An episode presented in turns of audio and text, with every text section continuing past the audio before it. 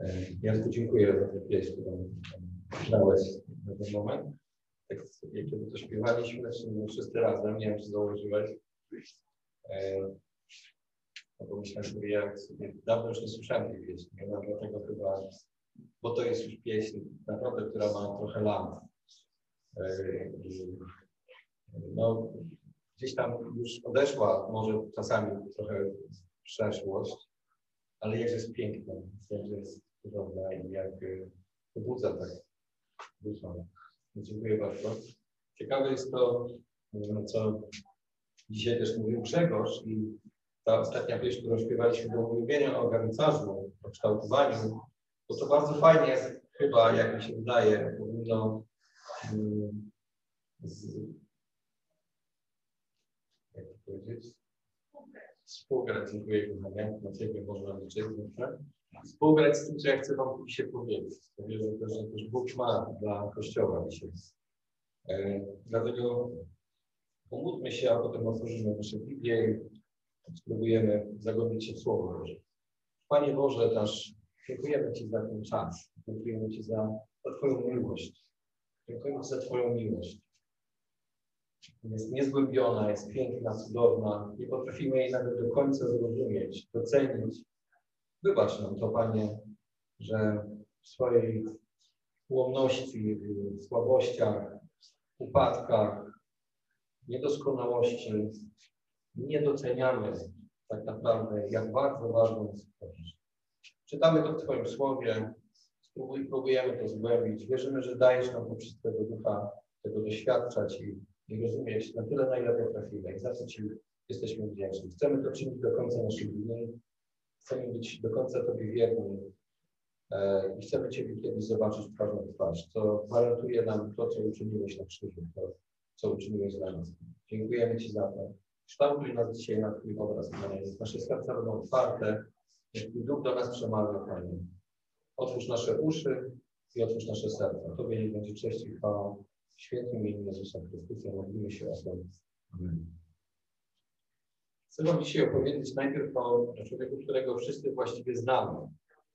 E, bo imię Dawid właściwie każdemu będzie coś mówić. Jeden od razu pomyśli, że to, a, to ten, co Goliata załatwił. E, drugi pomyśli o nim jako o królu. To wszystko zależy od tego, jak Dawid, jego życie, jego, e, jego dzieje, o których czytamy w Słowie Bożym, jak do nas przemawiają, albo na jakim etapie życia jesteśmy. Dawid na początku zawsze musi kojarzyć z Goliatem, bo to jest takie, było takie bardzo spektakularne osiągnięcie to, to co uczynił z Goliatem. Ale chciałbym tak pokrótce e, przyjrzeć się historii Dawida. Nie będzie głównym tematem tego, o czym dzisiaj będę mówił. On będzie małym wstępem do tego, co chcę Wam dzisiaj powiedzieć. A Dawid, jak wiecie, został nazwany przez Boga e, mężem według Bożego serca. To jest też jego taka cecha charakterystyczna. Mąż, to jest mąż według mojego serca, mąż według Bożego serca. To jest zaszczyt usłyszeć coś takiego od Boga. To jest zaszczyt, e, to jest zaszczyt e, nosić takie świadectwo na swoim imieniu, na swoim, mieć takie w cudzysłowie e, piętno, nie, to piętno jest ma złe konotacje. E, takie nosić na, na swoim e, życiorysie takie świadectwo, które wypowiada sam Bóg. To jest mąż według mojego serca. Ale nie zawsze tak było, jak wiecie, bo Dawid e, po tym, kiedy Saul zawiódł, e, zostaje przez ostatniego sędziego e, Izraela, zostaje namaszczony na potajemnie zresztą na króla. I potem jego życiorys wcale nie wygląda, potem jest ten, e, jest ten niezwykły epizod, wtedy kiedy on, e, widząc jak e, Filistyni lżą imię Boga Najwyższego, jak on załatwia tego Goliata, tak strzelają do niego w procy, to jest też bardzo spektakularne. Potem dostaje się na, e, dostaje się na dwór królewski Saula. Pozwólcie, że założę okulary, muszę zajrzeć do notatek.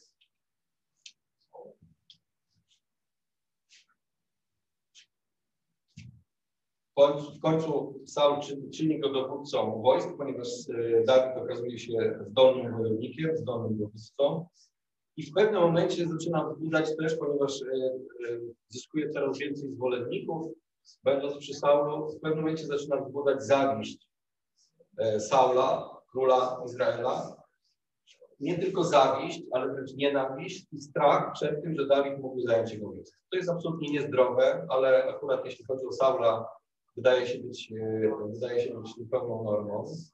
I Dawid jest w wielkim niebezpieczeństwie, ponieważ król Izraela obrał go sobie jako cel, e, który, którego trzeba się pozbyć. I zaczyna go ścigać, zaczyna go prześladować. Dawid jest w niebezpieczeństwie przez wiele lat.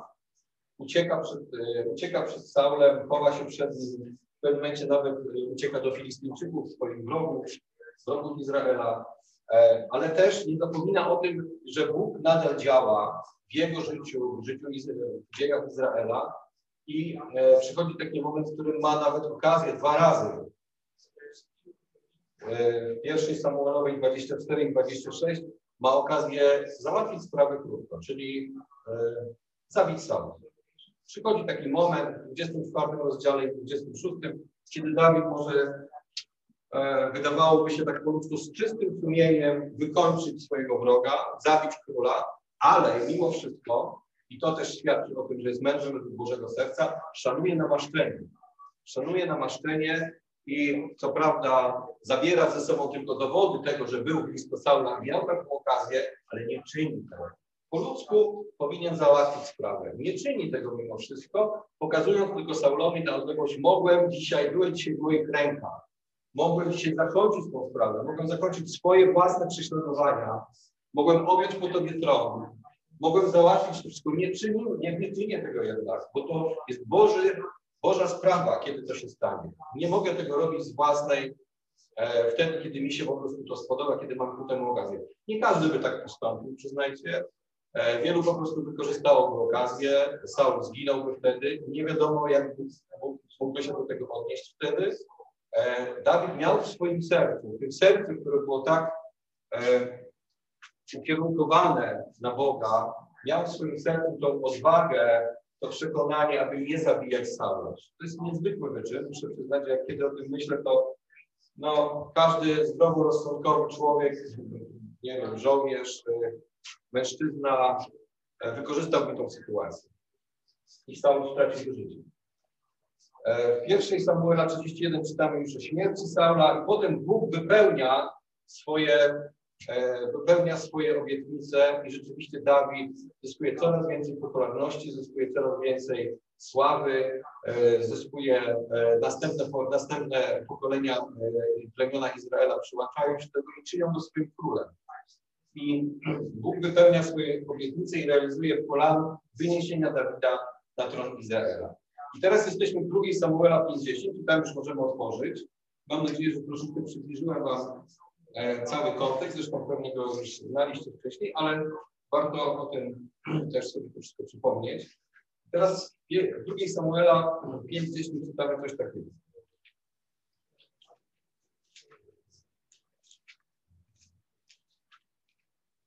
Teraz czy jestem w dobrym miejscu? Również Hiram król Tyru przysłał do Dawida posłańców z drewnem cydrowym. Ponadto przysłał cieśli murarzy, którzy zbudowali Dawidowi pałac. Dawid zaczął zatem nabierać przekonania, że to Pan ustanowił królem nad Izraelem i że ze względu na swój lud przydał jego królestwo, królestwo znaczenie. I od 17 wersetu, pominiemy dwa wersety i od 17 czytamy. Gdy Filistyni usłyszeli, że Dawid został namaszczony na króla nad Izraelem, wyruszyli wszyscy, by go spytać. Dawid usłyszał o tym i schronił się w twierdzy. Filistyni zaś nadciągnęli, rozłożyli się w Dolinie Refraim. Wówczas Dawid zwrócił się do Pana z pytaniem. Czy mam ruszyć na Filistynę? Czy wydasz ich w moje ręce? A Pan odpowiedział, wyrusz, bo na pewno wydam Filistynów w Twoje ręce. Dawid wyruszył zatem do Baal Perazim, pobił ich tam i powiedział, Pan przełamał moich wrogów przede mną, podobnie jak przełamuje się wody. Dlatego nadał temu imię nazwę. Baal Perazim tłumaczy się jako Pan przełomu.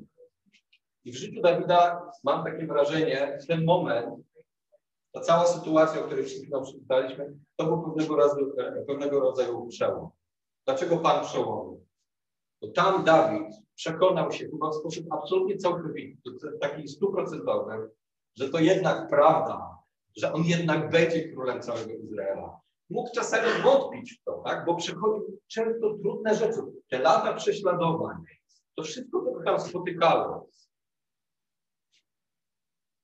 Mogły, i potem służba u Filistynów, że musiał, musiał uciekać do swoich wrogów po to, żeby chronić się przed własnym królem. To wszystko mogło podważyć to, co wiedział o obietnicach Bożych. Mimo wszystko w jego sercu ciągle było to pragnienie, aby służyć Bogu. Ale w jego sercu prawdopodobnie, wszystko na to wskazuje, walczyły ze sobą i wątpliwości, i ta wiara w to, że Bóg wypełni swoje obietnice. Czasami mógł wątpić, patrząc na historię, jaką przychodził, patrząc na sytuację, w jakiej się znajdował, mógł w to czasami powątpiewać. Każdy z nas prawdopodobnie ma w swoim życiu takie, takie sytuacje, takie rzeczy. I wtedy, kiedy Bóg wyraźnie mówi mu, idź i pobij tych Filistyńczyków, bo na pewno wydam ich w twoje ręce. I on wtedy mówi, Dawid po tym, kiedy już ich pokonał, mówi, to jest to miejsce nazwa, że Pan przełomu, bo Bóg przełamał moich wrogów, tak jak, jak przełamuje się w fale. Nie wiem, czy kiedyś pływaliście na morzu, czy oglądaliście jakiś film o, o tym, jak statek płynie i jak e, przełamują się fale. To jest bardzo imponujący, bardzo imponujący widok. Na pewno widzieliście, jak statek wbija się w fale i fale muszą ustąpić przed potęgą, przed potęgą kadłuba jakiegoś dużego statku. Ja pływałem na morzu, miałem taką okazję i wiem, jak to wygląda w praktyce. Co prawda nie jest to zbyt przyjemne, e, bo to różnie z tym bywa, tak? Odzywa się wtedy choroba morska bardzo często, ale z drugiej strony to jest bardzo imponujący widok. I jakby mam, masz wtedy takie wrażenie, że płyniesz na takiej łodzi, która naprawdę wszystko może. Kiedy widzisz te ogromne fale i one nie mają nic do powiedzenia, kiedy dziób statku wbija się w nie i przełamuje. I taki przełom przebił też Dawid. To był taki przełomowy moment, bo za chwilę Filistyni wrócili. On pobił tych Filistynów, ale oni za chwilę wrócili. Znowu Dawid pada na kolana i mówi, czy znowu mam na nich wyruszyć? Czy znowu wydasz moje ręce? A Bóg mówi do niego, to jest zaraz kilka wersów dalej i mówi, nie, teraz nie idź na nich wprost. Zajdź od tyłu, a kiedy usłyszysz moje kroki na balsamowcach, to wtedy uderz na nich. I znowu Dawid wygrywa. Wtedy nie ma wątpliwości. Dawid nie ma wątpliwości, że on jednak będzie królem Izraela. Pan przełomów. Pan przełomów. Tak nazwał to miejsce. To słowo zrobiło na mnie duże wrażenie, bo tak pomyślałem sobie, co mógł wtedy czuć Dawid. Ten król Izraela, ten niezwykły człowiek, pełen słabości, bo przecież wiecie, że później, kiedy został już królem, nie wszystko mu szło tak super. Miał różnego rodzaju zakręty. Był tylko człowiekiem, ale jednak jego serce miało tę charakterystyczną cechę. Było zdeterminowane, aby szukać Boga, aby go znajdować, aby go słuchać i wykonywać jego, jego wolę. Tyle o Dawidzie, bo chciałbym, żebyście zrozumieli, że Dawid doświadczył takiego przełomu, że pewnie miał różnego rodzaju wątpliwości, bo doświadczył naprawdę prześladowań ze strony króla, którego chciał szanować, prawdopodobnie którego szanował, szanował Boga, ale szanował króla namaszczonego nad Izraelem i mógł mieć różnego rodzaju wątpliwości, ale doświadczył takiego przełomu w swoim życiu, w którym zrozumiał, że Bóg wykonuje nadal swoją wolę w jego życiu i że postanowił go królem Izraela doprowadzić do tego. Teraz przenieśmy się kilka rozdziałów i też jakiś czas wcześniej do, do pierwszej Samuela 1.1 i chcemy, chcę teraz Wam przedstawić pewną kobietę i ją też pewnie znacie, bo też to nie jest bohater biblijny, o którym mówi się zbyt często z kazalnic, ale prawdopodobnie wielu, wielu, wiele, wielu, wielu z nas czytało, wiele z nas czytało e, e, pierwszą Samuelową i tam jest Pierwsza Samuela zaczyna się od opowieści o Annie. Anna to kobieta, która niestety nie może mieć dzieci. Bardzo z tego powodu cierpi. E, doświadcza z tego powodu prześladowań ze strony drugiej żony swojego męża. Możemy na ten temat przeczytać. Przeczytam fragment, e, może nie cały, bo to jest długie opowiadanie, ja później tego nawiążę. ale chciałbym, żebyśmy mieli taki obraz, co ona przeżywała. Od pierwszego wersetu pierwszego rozdziału pierwszej księgi Samuela. Samuela. W Rafaim Sochim, położonym na wzgórzu Efraima, mieszkał pewien człowiek. Miał na imię Elkana. Był Efratyjczykiem, synem Jerohama, syna Eliku, który był synem Tochu, a, a ten synem Sufa. Elkana miał dwie żony. Jednej było na imię Anna, i to jest nasza bohaterka, a drugiej Penina. Penina miała dzieci, Anna zaś była bezdzietna. Człowiek ten corocznie szedł ze swojego miasta Shiloh, by tam oddać pokłon Panu zastępu i złożyć mu ofiarę. Kapłanami Pana byli wtedy wówczas dwaj synowie Helego, Hofni i Pinechas. Ilekroć Elkana składał ofiary, dawał swojej żonie Peninie oraz wszystkim jej synom i córkom części ze składanych ofiar. Annie natomiast dawał część podwójną, ponieważ Annę kochał, mimo że Pan odmówił jej potomstwa. Jej przeciwniczka robiła jej przykrości, docinała Annie, że Pan zamknął jej łono. W ten sposób doprowadziła ją do rozpaczy. Tak działo się rok w rok, ilekroć Anna przychodziła do domu Pana. W ten sposób była doręczona, płakała więc i nie jadła. I to jest taka część historii Anny. Kobieta, która była bezdzietna, bezpłodna, w tamtych czasach to nie była jednostka chorobowa. W tamtych czasach to było przekleństwo. Jeśli nie możesz mieć dzieci, to coś z tobą jest nie tak. Jeśli nie możesz mieć dzieci, to znaczy, że e, no, to nie jest dobrze wcale. To e, Penina ją po prostu prześladowała. Wypominała jej to i to naprawdę nie, nie, było, nie było z pewnością e, specjalnie delikatne. Elkana, jej mąż, co prawda, próbował łagodzić tą całą sytuację, ale e, no, jej cierpienie było na pewno e, poważne, było duże. To możemy później przeczytać. Anna w pewnym momencie przychodzi z tym do Boga. Kapłan, który widzi ją modlącą się w świątyni, e, oskarża ją o to, że jest pijana. Ona tłumaczy mu, nie jestem pijana. Twoja służebnica modli się do Boga ze skrytości serca, w bólu przychodzi i prosi Boga, aby odmienił jej los. I wtedy Heli, kapłan, mówi, rzeczywiście wierzę w to, że Bóg odmieni twój los. I tak się dzieje. I ta kobieta, pomimo swojego bólu, rodzi niezwykłego człowieka. Rodzi tego człowieka, o którym przed chwilą mówiliśmy, że namaścił Dawida na króla. Rodzi Samuela. Jej obietnica dla Boga jest taka, że jeśli pozwolisz mi zajść w ciążę, jeśli pozwolisz mi urodzić mężczyznę, to oddam go Tobie na służbę.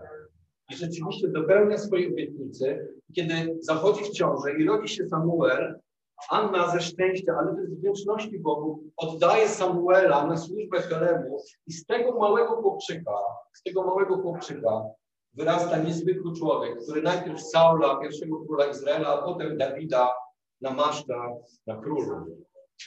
Niezwykły człowiek, który, e, który jest jednym, e, jednym z takich poważnych postaci, o których czytamy w Biblii. Cierpienie kobiety, jej z pozoru ułomność, jej cierpienie, jej prześladowania, potem przynoszą wspaniały owoc w postaci Samuela, w postaci człowieka, który naprawdę odegrał bardzo ważną rolę w życiu, w życiu i historii Izraela. To następny przełom. Zobaczcie, że kobieta, która przychodzi do Boga w swoim bólu, w swoich wątpliwościach, składa przed nim obietnicę, ale nie ma żadnej gwarancji, że coś wielkiego takiego się stanie. Ale Bóg jest wierny. Bóg daje jej potomka, daje jej mężczyznę, który zostaje oddany na służbę i Bóg poprzez jej problem, jakby można było powiedzieć, poprzez bezdzietność, poprzez takie e, no, upokorzenia, które ona znosi przez to, wywodzi z Izraela niezwykłego sędziego, proroka, kogoś, kto namaszcza królów. Dzięki jej wierności, dzięki temu, że ona wierzyła Bogu, że przyszła do Boga i z skrytości serca poprosiła o rzeczy, wydawałoby się niemożliwe. Ale przychodzi do Boga i Bóg czyni niezwykłe rzeczy. I mamy tutaj owoc w postaci Samuela. Moglibyśmy zapytać, Boże, czy Samuela nie mógłbyś wzbudzić w inny sposób? Czy ona musiała przechodzić wszystko? Czy Dawid, aby zostać królem, musiał przychodzić e, prześladowania? Czy Anna musiała doświadczyć bezdzietności i prześladowań po to, aby pojawił się Samuel? Wiecie, to są takie trudne pytania, bo my nie znamy ścieżek, którymi chadza Bóg. Jak mówi Księga Izajasza, moje myśli to nie są wasze myśli, moje ścieżki nie są waszymi ścieżkami, ponieważ moje ścieżki, moje myśli są wyższe od waszych. To znaczy, podsumowując, czy też parafrazując, my nie rozumiemy wszystkiego, co Bóg mówi. Nie potrafimy tego wszystkiego sobie tak poukładać, dlatego że czasami dla nas wydają się rzeczy takie, no, po co Dawid musiał, zadalibyśmy pytanie, po co Dawid musiał cierpieć, po, to, po co musiał być prześladowany, po co Anna musiała przechodzić prześladowania, doświadczyć bezdzietności. Czy Boże nie mógłbyś to załatwić inaczej? Ale Boże ścieżki są inne. Boże ścieżki są różne od naszych rozwiązań. My czasami nie rozumiemy tego, jak Bóg działa. I to wiemy o tym, bo w naszym, w naszym życiu jestem pewny, że nieraz doświadczyliśmy Bożego działania, ale ścieżka do tego, aby coś się wydarzyło, była nie taka, jak my planowaliśmy. Nie taka, jak my planowaliśmy. Sam osobiście tego e, doświadczyłem w życiu.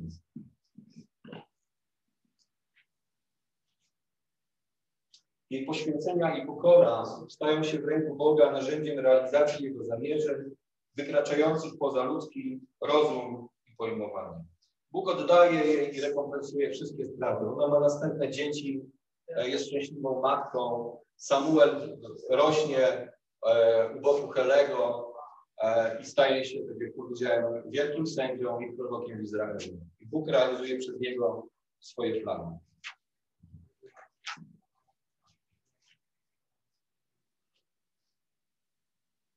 Chciałbym Wam teraz przytoczyć następną, e, następny przykład takiej osoby, która też doświadcza często trudnych rzeczy, a potem przychodzi przełom. Hiob to jest ktoś, kogo wszyscy znamy. Hiob to jest człowiek, który nagle wydawałoby się bez żadnego konkretnego powodu zaczyna bardzo ciężko chorować. Traci rodzinę, traci zdrowie, traci nawet przychylność swojej żony, E, przychodzą przyjaciele, w cudzysłowie, e, próbują radzić, mówią mu, przyznaj się do swojego grzechu przed Bogiem, możesz go wyznać nawet teraz, e, będziemy się modlić za ciebie, ale musisz to wyznać Bogu, na pewno coś źle zrobiłeś, skoro Bóg cię tak pokarał. E, znacie jego historię. Jaka jest, jaki jest jej finał? Finał jest taki, że kiedy Hiob przychodzi do Boga ze swoim bólem, swoimi cierpieniami, z całym, tą, z całym tym bagażem, który ni stąd, ni spadł na głowę. Utrata zdrowia, utrata dzieci, e, utrata, utrata majątku.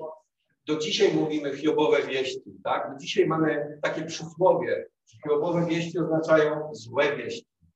Hiobowe wieści to wieści, których nikt nie chce z nas e, e, otrzymywać. Bo to są sytuacje, z którymi nie chcemy mieć nawet do czynienia. Chcemy przed nimi uciec. Hiobowe wieści to nie są dobre wieści. I Hiob takich wieści otrzymał kilka, jak nie kilkanaście, w bardzo krótkim okresie czasu. Dlaczego? To są trudne pytania. To są trudne pytania, dlaczego Hiobowi się to wszystko przytrafiło. Ale konkluzja całej tej sytuacji jest taka, że w 42 rozdziale sam Hiob mówi do Boga tak, mówi do Boga tak. Wiem, że Ty możesz wszystko i że żaden Twój zamysł nie jest dla Ciebie niewykonały. Któż jest w stanie zaciemnić Twój zamysł nierozsądną mową? Ależ to ja mówiłem nierozumnie o rzeczach cudownych dla mnie, których nie rozumiem. Słuchaj proszę, a ja chcę mówić. Będę Cię pytał, a Ty racz mnie pouczyć. Tylko ze słyszenia widziałem o Tobie. Lecz teraz moje oko ujrzało Cię. Przeto odwołuję moje słowa kają się w prochu i popiele. To mówi Hiob. To jest konkluzja jego dyskusji z Bogiem, jego dyskursu, który wszedł. Bo przyszedł do Boga i powiedział, też zadał pytanie, dlaczego mi się to wszystko przytrafiło?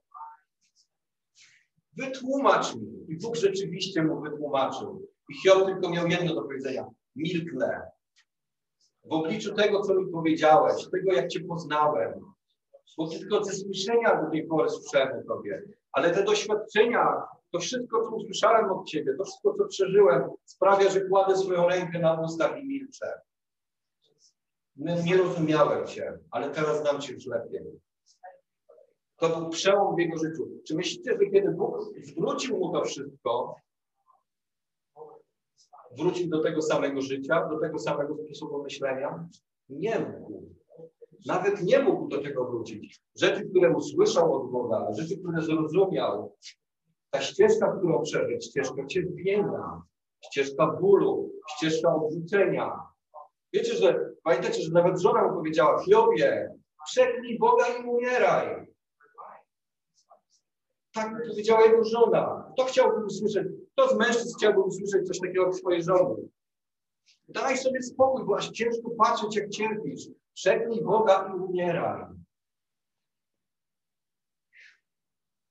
Ale nie. Muszę dowiedzieć się, co tu się stało takiego, że doświadczam takiego przekleństwa. I Bóg mu to wszystko wytłumaczył i się powiedział, okej, rozumiem. Kładę swoją rękę na usta. Nie mam więcej pytań. Rozumiem Cię. Nie rozumiałem do tej pory. Ale teraz wszystko jest dla mnie jasne. Już Cię znam lepiej. Następna osoba, Abraham. Dlaczego Abraham został doprowadzony do krawędzi, w której musiał podnieść rękę uzbrojoną nóż na swojego syna? Większość z nas ma dzieci. Albo będziecie mieli. Nie wyobrażam sobie takiej sytuacji, w której musiałbym podnieść rękę na własne dziecko. A Abraham został doprowadzony do momentu, w którym położył stos, położył tam swojego syna i na pytanie dziecka, tato, a gdzie jest ofiara? Musiał wziąć nóż i powiedział, synu, Bóg się zatroszczył o ofiarę. Bóg się o nią zatroszczył. Podniósł swoją rękę. I w ostatniej chwili Bóg wstrzymał egzekucję. Naprawdę uwierzcie mi, to jest, to jest, to jest coś niepojętego dla mnie. To jest ścieżka, która jest dla mnie niepojęta, a Bóg chadza takimi ścieżkami. Kiedy doprowadza swoich ludzi, których chce wykorzystać później do wielkich rzeczy, na krawędź, na krawędź przepaści. I każe im zamknąć oczy i zrobić krok do przodu. To jest, jest takie dobre słowo, no to, to jest po prostu obłęd, to jest niesamowite. Ale tak czytamy w Biblii, wiemy, że to jest prawda. Wiemy, że kiedyś był taki człowiek, który podniósł swoją rękę na swojego syna, żeby go złożyć w ofierze, miał na imię Abraham. Jest ojcem naszej wiary. I Bóg wypełnił w nim swoje obietnice. Ale zobaczcie, do jakiego momentu go doprowadził. Czy mając swoje dziecko jesteś w stanie coś takiego zrobić? Na samą myśl serce zaczyna bić szybciej. I chcesz uciec od tej myśli w ogóle. Chcesz od tego uciec. Nie, nie, to jest niemożliwe. Takie rzeczy się nie zdarzają. A jednak Abraham musiał to przejść. Każdy, kto wydaje się, że każdy biblijny bohater, który rzeczywiście był przez Boga wykorzystany do wielkich rzeczy, najpierw został przez Boga zanurzony w cierpienie, w sytuacje trudne, sytuacje wydawały mi się, które są bez wyjścia, po to, aby kiedy zostanie już wyciągnięty, stał się inny, bardziej przydatny, aby był narzędziem, aby był naczyniem do celów zaszczytnych. Wydaje się, że każdy taki człowiek musiał swoje przejść, musiał doświadczyć, jakie cierpienia, to prześladowań, do trudnych, naprawdę trudnych sytuacji. Chciałoby się powiedzieć z tej kazanicy, wiecie, chrześcijaństwo, wiara w Boga to jest, takie, to jest takie, taka bułka z masłem, to jest taka asfaltowana droga do nieba. Po lewej stronie ogród, ogród po, lew, po, lew, po prawej łąka, tu sobie jest, możesz usiąść, tu sobie możesz rozpalić ognisko. Luz, tak? Tylko jest fajnie, naprawdę. Bycie chrześcijaninem, bycie wierzącym to jest coś, naprawdę coś cudownego. Ale Bóg nie chadza takimi ścieżkami. Tak chciałby człowiek, to jest ludzkie myślenie. Idziemy do nieba wąską ścieżką, wyboistą ścieżką, ale idziemy do nieba. Bóg nas w tym prowadzi.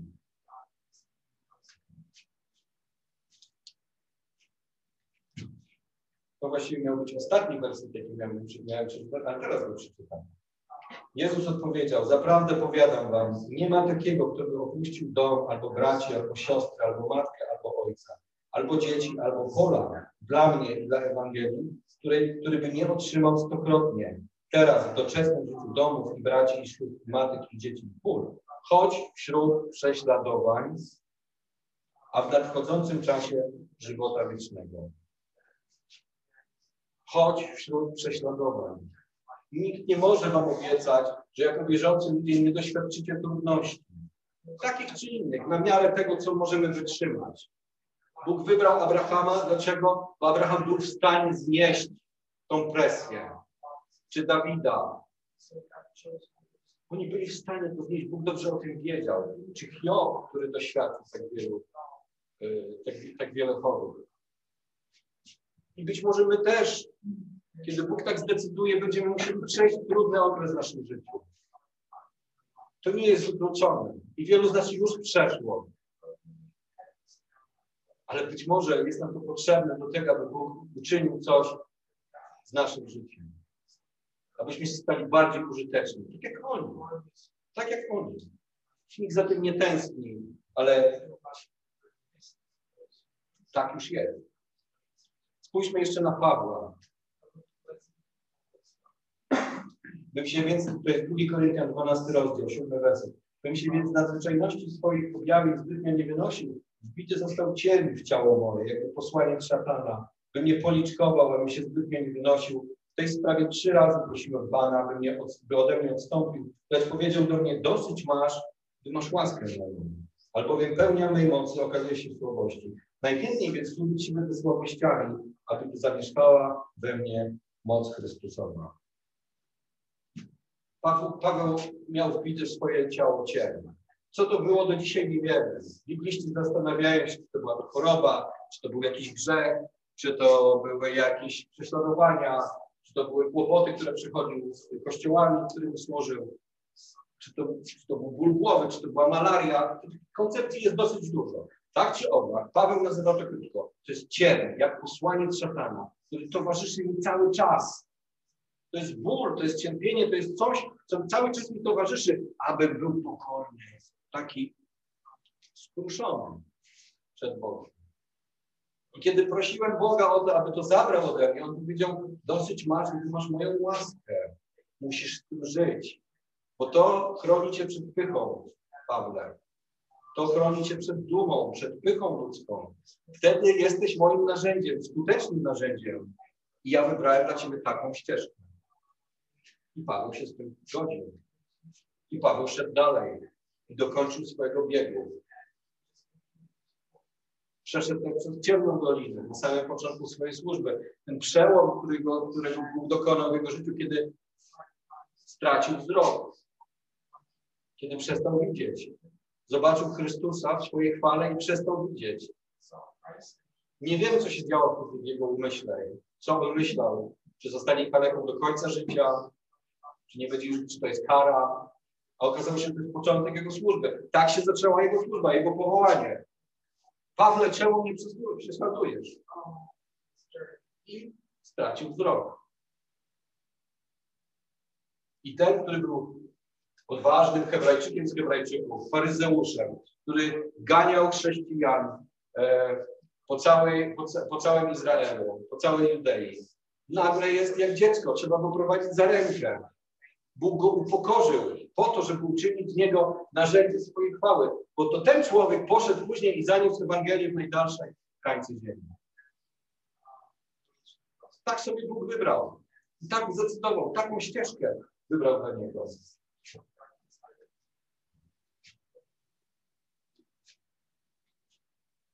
Tak? Czymże było zaparcie się Piotra? Jak czuć się Piotr? Kiedy Jezus do, mówi do niego, pójdziesz za mną wszędzie, pójdziesz za mną wszędzie, jeszcze dzisiejszego wieczoru, jeszcze dzisiejszej nocy, zanim kur zawieje trzy razy, zaprzesz się mnie. Nie, kur, zanim kur zawieje, zaprzesz się mnie trzy razy. I kiedy kur pieje trzeci raz i Piotr sobie to uświadamia, co musi dziać się w jego duszy, w jego sercu. Przecież słyszał, że Jezus mu to przepowiedział właściwie przed chwilą.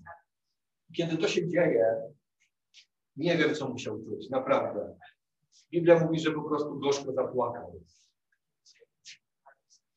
Że po prostu gorzko zapłakał. Czy to jest po prostu? To jest krzyk rozpaczy. Nie wiem, jak mógł się czuć Piotr.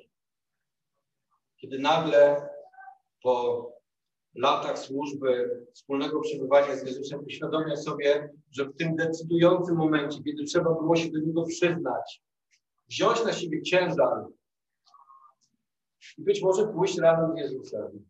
On mówi, nie znam tego człowieka, co to jest w ogóle? Pomyliłaś mnie z kimś innym kobietą. Nic tego nie widziałem. I kipieje kur. I on sobie uświadamia, że właśnie zdradził. Właśnie zawiódł. Że wszystkie jego dobre intencje, obietnice, które złożył, wyrzucił do kosza. Nic nie warte. Dlaczego Bóg do tego dopuścił? Bo przecież Jezus mu to przepowiedział, to była przepowiednia. Bóg wiedział, że tak się stanie. Czy on potem, kiedy już przestał płakać, potem, kiedy został napełniony Duchem Świętym, czy był tym samym Piotrem, tym samym człowiekiem, tym samym rybakiem, to był zupełnie inny człowiek. Piotr był już wtedy zupełnie innym człowiekiem. Bóg zmienia ten sposób życie. I nasz Pan Jezus Chrystus, który przeszedł przez cierpienia, doświadczył wszystkiego, każdego cierpienia, każdej pokusy tutaj na ziemi. Żył pośród nas, jak człowiek. Doświadczył wszystkiego oprócz grzechu. Żył świętym, doskonałym życiem. I został odrzucony przez wszystkich. Przez wszystkich. Opuszczony, odrzucony. Mąż boleści doświadczony w cierpieniu, jak pisze Izajasz. Mąż boleści doświadczony w cierpieniu. Odłączony i opuszczony nie tylko przez ludzi, ale w ostatecznym rozrachunku nawet sam ojciec odwrócił od niego wzrok. Eli, Eli, lama sabachtani. Boże mój Boże, czemuś mnie opuścił? I to jest największe cierpienie, jakiekolwiek mogło się zdarzyć. Bo Syn Boży, ten, który jest źródłem miłości, ten, który jest źródłem e, świętości, zostaje odrzucony przez wszystkich, przez Boga i przez ludzi, przez Ojca i przez każdego z nas, i przez swoich braci, przez swoich rodaków. Nawet Rzymianie chcieli go niewinnić, ale oni woli, woleli Barabasza. Wiedział, że tak się stanie, ale wiedział też, że to jest jedyna droga, że to musi, że to jest jedyna droga do przełomu, aby człowiek mógł zostać zbawiony aby mogła zostać przywrócona, aby, aby raj mógł zostać przywrócony człowiekowi. Że to jest jedyny sposób, by ludzkie serca mogły zostać zmienione. Że to jest jedyna ścieżka do tego, ścieżka cierpienia, ścieżka bólu, ścieżka odrzucenia. Tak jak Dawid, Anna, Hiob, Paweł. Bóg poszedł, idzie tą ścieżką, aby nauczyć nas pokory, abyśmy stali się narzędziami, którym On chce wykorzystać. Jezus poszedł na tą ścieżkę dobrowolnie, wiedząc, co go czeka. My nie wiemy. Żyjemy nadzieją, że nas to może nie spotka. A kto wie? Ale Jezus dokładnie wiedział o tym, co go czeka. I zrobił to. Choć modlił się, Boże mój, jeśli to jest możliwe, niech ten kielich mnie ominie. Bał się. Ale poszedł i to zrobił. Powiedział, że nie ma innej ścieżki. Nie ma innej drogi. Nie ma innego sposobu, aby nas przywrócić z powrotem Bogu.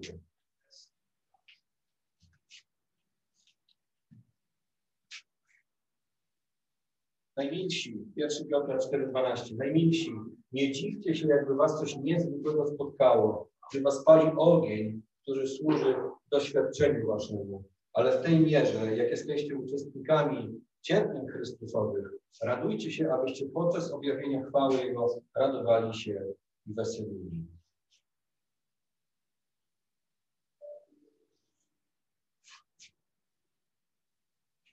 Filipian 1,29. Gdyż wam dla Chrystusa zostało darowane to, że możecie nie tylko w Niego wierzyć, ale i dla Niego cierpieć, staczając ten sam bój, którym nie widzieliście i o którym teraz słyszycie, że go staczą.